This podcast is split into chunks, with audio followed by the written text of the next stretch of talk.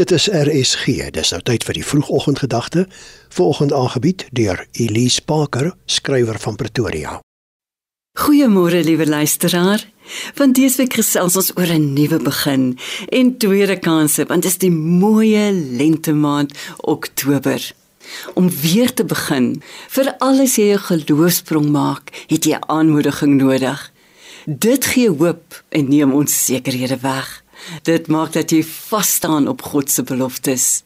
In verhoudings is dit aanmoediging wat oorwinnaars oor die wenstreep kry.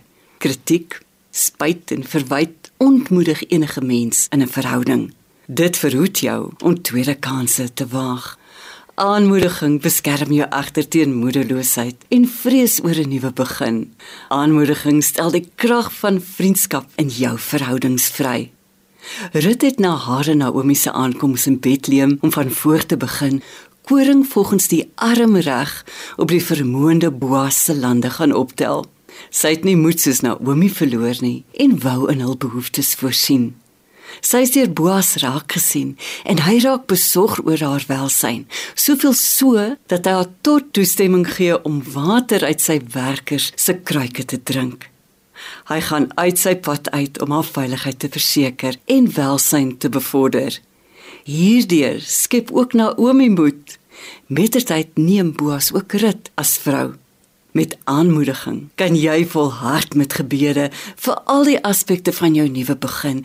Kan jy met die Heilige Gees se leiding in beheer bly en deurdruk om jou drome te verwesenlik. Wanneer jy Jesus al meer en meer vertrou, leer jy sy hart vir tweede kansse ken.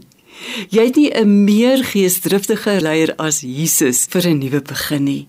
Hy glo in jou soos niemand anders nie. Hy sal jou antwoorde op jou vrae gee en oplossings vir jou verhoudingsprobleme. Moenie dat verhoudings en mense waarvan Jesus jou verlos het, jou ontmoedig om vir 'n tweede keer te waag en te wen nie. Put juis krag uit sy verlossing. Jesus stel belang in jou nuwe begin, sowel as in verhoudings wat jou positief teenoor die koninkryk se groei beïnvloed. Hy weet elke geloofsprong dra die vrug van 'n nuwe rit begin en is 'n lewenssaad vir die toekomstige oes. Dit was aan die oggendgedagte hier op RSG, aangebied deur Elise Parker, skrywer van Pretoria.